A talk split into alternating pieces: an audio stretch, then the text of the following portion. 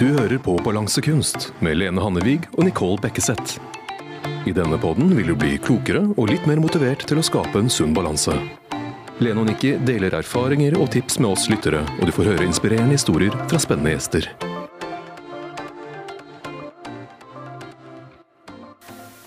Ja, Anette, vi har hatt en episode med deg tidligere, og vi blei jo veldig inspirert til det der med å ha fokus på pusten. Og jeg tror det er noe vi faktisk trenger å øve på hver eneste dag. Det kom jo fram i den episoden. Akkurat som vi må øve inn gode vaner med kosthold og trening, så er jo også pusten noe som vi må ta tak i.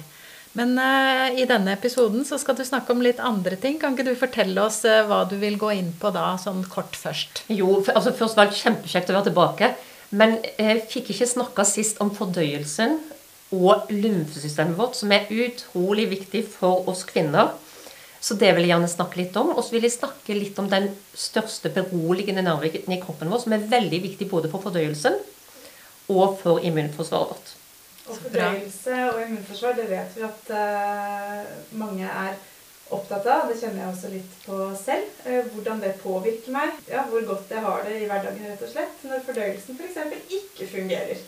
Ikke sant. Og, og, her spiller jo stress en kjempestor rolle for dette. Fordi at når vi er veldig, veldig stressa, så er vi i fight or flight, som jeg snakket om sist. ikke sant? Og da blir denne nerven som jeg snakker om, altså vagusnerven vår, som er den største beroligende nerven, den går ifra hjernestammen vår, og så går den ned til alle de indre organene og helt ned til tarmene våre.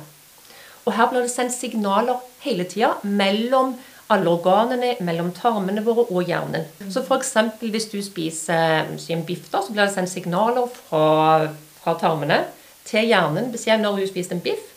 Og så blir du da sendt ut enzymer som skal fordøye denne biffen. Men når vi lever med veldig mye stress, så blir eh, eh, altså på en måte elektrisiteten i denne nerven da borte. Sånn at signalene når ikke fram. Så hjernen din, hvis du er veldig stressa, vil ikke vite hva du faktisk har spist. Og det vil bli sendt ut enzymer i hytt og pinevær. Og det sies jo at 80% av signalene går fra tarmene til hjernen, og bare 20% andre vei. Og det er jo masse bøker om dette nå, sånn Sjarmen med tarmen, og vi snakker om den andre hjernen, som er tarmene våre. Så selvfølgelig er det jo superviktig hva vi spiser. Men det er òg superviktig at vi ikke stresser veldig samtidig. Og slow eating har jo òg blitt et begrep. ikke sant? Det å puste og spise langsomt, puste langsomt, bevege seg langsommere. Og jeg er et menneske som beveger meg kjempekjapt. Eh, og som stresser veldig lett. Og det er jo derfor jeg jobber med dette, og det er derfor jeg syns det er så utrolig fascinerende. For jeg vet at vi kan påvirke dette. Ja, Og det med stress, ikke sant. Vi hører jo det stadig vekk. At uh, jeg får ikke til målene mine, enten det er vekta opp eller holde på treningsvanene, fordi at det er så mye stress mm. i livet. Mm. Men indirekte da eh, så er det sånn at vi kanskje kan puste oss til mindre stress, og da også klare å gå ned i vekt og, og få Ut, disse målene. Uten tvil. Altså, det er det eneste som er helt sikkert. Bare nå i de, de siste to ukene så har det vært reportasjer i uh, Illustrert vitenskap. sto der at den enkleste du kan gjøre, er å puste ut. Uh, det er en sånn Harwood Business page som jeg følger, der det sto uh, Pust ut det høres enkelt ut, men det er det viktigste du kan gjøre for å redusere stressnivået. ikke sant? Så jeg er jo veldig veldig glad for at det blir mer og mer fokus på pust. fordi at når jeg startet opp for elleve år siden, så var det en gjengse oppfatning Jobbe med pust, ja! Alle puster jo! Ikke sant? Og nå har jeg flere leger som kommer til meg, og folk i alle sjangre. Veldig mange menn, og ikke bare kvinner lenger, ikke sant? som har skjønt at det å jobbe med pusten er superviktig. Men når det gjelder fordøyelsen, så er det jo ikke bare denne vagusnerven, men det er jo rett og slett mellomgulvet eller diafragma som jeg snakket om sist. Og den må jeg snakke mer om, for det er min absolutte favorittmuskel. Og jeg sier at det er den viktigste muskelen i kroppen. Jeg vet at hjertet er hakket videre, viktigere, unnskyld, mm. men er, den er faktisk omtrent like viktig som hjertet, vil jeg si. Ja, På hvilken måte da?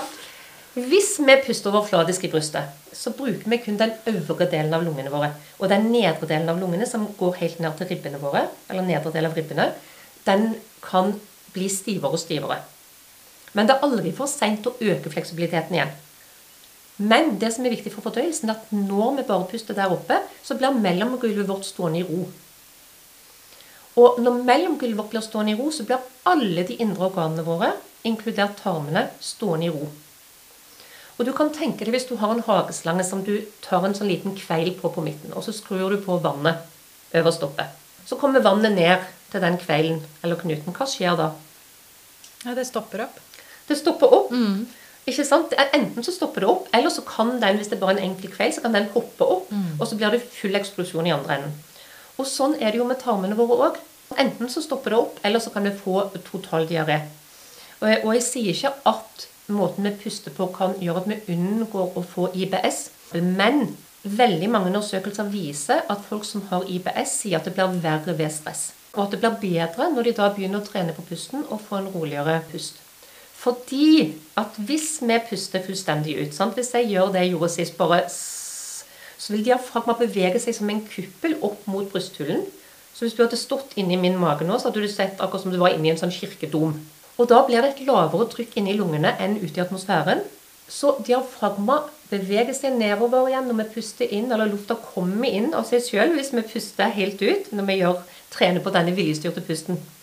Og den bevegelsen opp og ned der, den er superviktig for bevegelsen av alle de indre organene. Lever, nyre, galle. Hjertet vårt kan til og med bevege seg flere centimeter opp og ned når vi puster optimalt.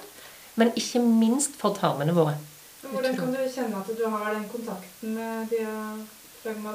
Det, Det, altså, noen kjenner det, men det, det går jo helt på, på kroppskontroll. Og det er ikke så viktig, tenker jeg. For hvis du gjør disse øvelsene, hvis du lærer å ikke bevege bryst og kragebein og, og det tar tid. Det tar tid, og jeg, og jeg pleier å, å massere her oppe eller presse ned. Sant? Og noen blir irritert og sier men jeg må jo av og til få lov til å komme opp der.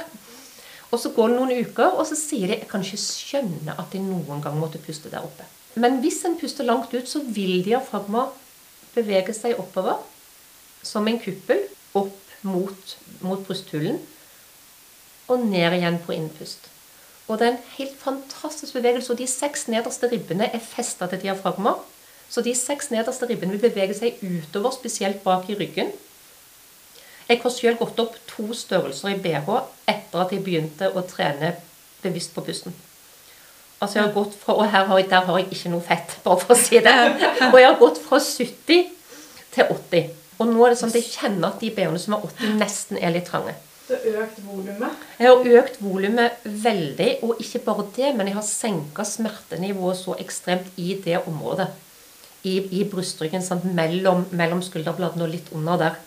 Fordi at når du har den bevegelsen hele tida, så er det så, det er så digg. Altså, det kjennes bare helt fantastisk ut.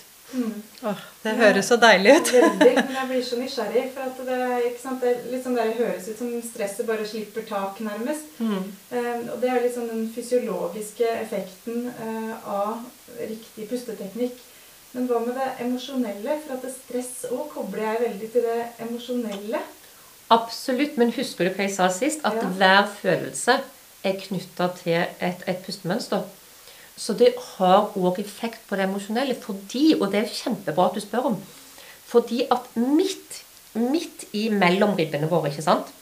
Midt under diafragma, midt på, liksom, så har vi et punkt som er det største nervesenteret i kroppen, som heter solar plexus. Her setter alle sjokk, traumer, altså ting som vi ikke får ut av gjennom pusten, gjennom stemmen. Som sinne. Veldig mange nordmenn har problemer med å få ut sinne. Enkelte har problemer med å få ut sorg.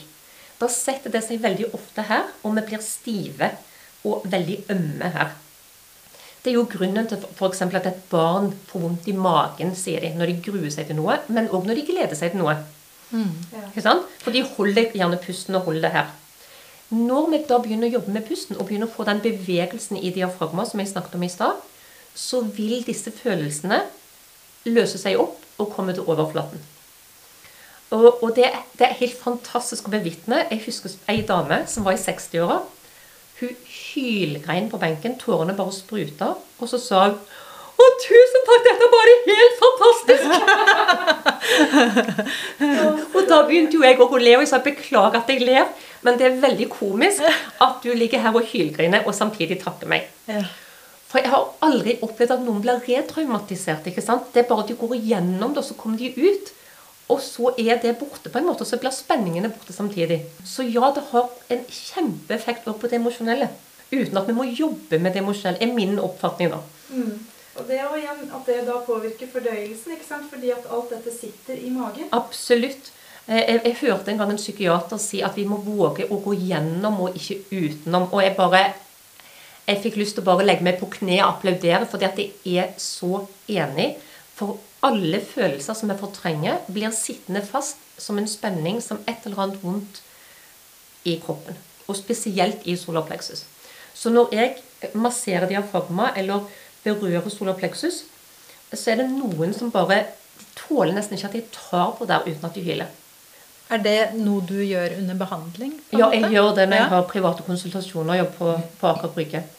Eh, Men jeg har jo òg nettkurs der folk som bor oppe i nord eller sør, eller til og med i andre land, opplever at de får frigjort følelser ved å, ved å gjøre øvelsen der. ikke sant? Så det må ikke være en fysisk behandling. Apropos behandling, eh, lymfesystemet. Jeg vet ikke, Dette her er helt ny forskning som pågår i disse dager. Og jeg syns det er så spennende fordi at det historisk sett har vært forska mye mye mer på mannehelse enn på kvinnehelse. Det er så dårlig gjort. Ja, det er så dårlig gjort. Og det kan hende at det er fordi at menn har vært i militæret. ikke sant? Før så var jo ingen kvinner i militæret. Nå er det jo fortsatt et fåtall kvinner og flere menn. Eh, Og for å være i militæret, for å være i krig, så må de liksom helsesjekkes. Det har vært unnskyldningen. Men vi kvinner har jo lymfesystem. Og det første vi kanskje merker, da, det er at vi får hovne opp i anklene. Ikke sant? Vi kan hovne opp i anklene, vi kan ha kalde lår, kalde rumper. Vi kan hovne opp rundt knærne, få cellulitt. Og alt dette er lymfesystemet vårt som da ikke fungerer helt optimalt. Jeg har alt det der, jeg. Men vet du hva? Ja. Men, vet du hva? mener du det at cellulitter eh, kommer av det? At det Jeg, altså jeg, det er ikke jeg som mener dette, det er, det er pågående Ja. forskning. Eh, men, men da de sier at det har veldig mye med lymfesystemet Ja. vårt å gjøre, og lymfedrenasje. ikke sant? Mm. Og det er noe som heter lipydem og lymfødemer, eh, som da hoper seg opp i kroppen. Og det som er sikkert, eh, som denne forskningen viste, er at tidligere så var det typisk kvinner i overgangsalderen som fikk disse plagene, men nå er det stadig yngre kvinner. Og dette forveksles ofte med fett. sant? Mange tror at de, at de er tjukke, og så er det faktisk lymfevæske som hoper seg opp. Og, og det som er så spennende her, det er at det, blodpumpa vår sant? den har en pumpe. Vi har hjertet som pumper blodet rundt i kroppen. Lymfesystemet vårt har ikke en sånn pumpe. Og vi har en liten sisterne som ligger under diafragma, litt under diafragma, midt i magen, som tar imot all lymfevæske fra underlivet vårt, fra tarmene våre og fra levera vår, og store deler av underkroppen, går igjennom den lille sisterna. Der blir lymfevæska rensa og vaska før den går ut av kroppen. ikke sant? Men denne sisterna fungerer ikke hvis vi puster overfladisk. Fordi at det er diafragma som er den pumpa. Sant? Det er mellomgulvsmuskelen vår som er den pumpa. Og når jeg hørte det i denne pågående forskningen, så ble jeg jo helt vill, for det er jo, det er jo superspennende.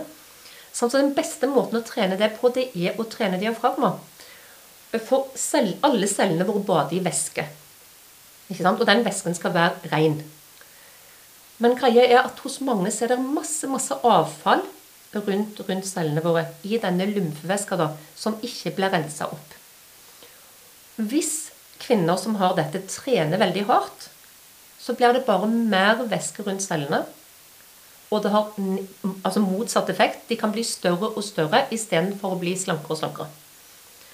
Så det kan være mye bedre å trene rolig. Eh, gjøre yoga, gå spaserturer, sånn, enn å trene beinhardt for mange kvinner.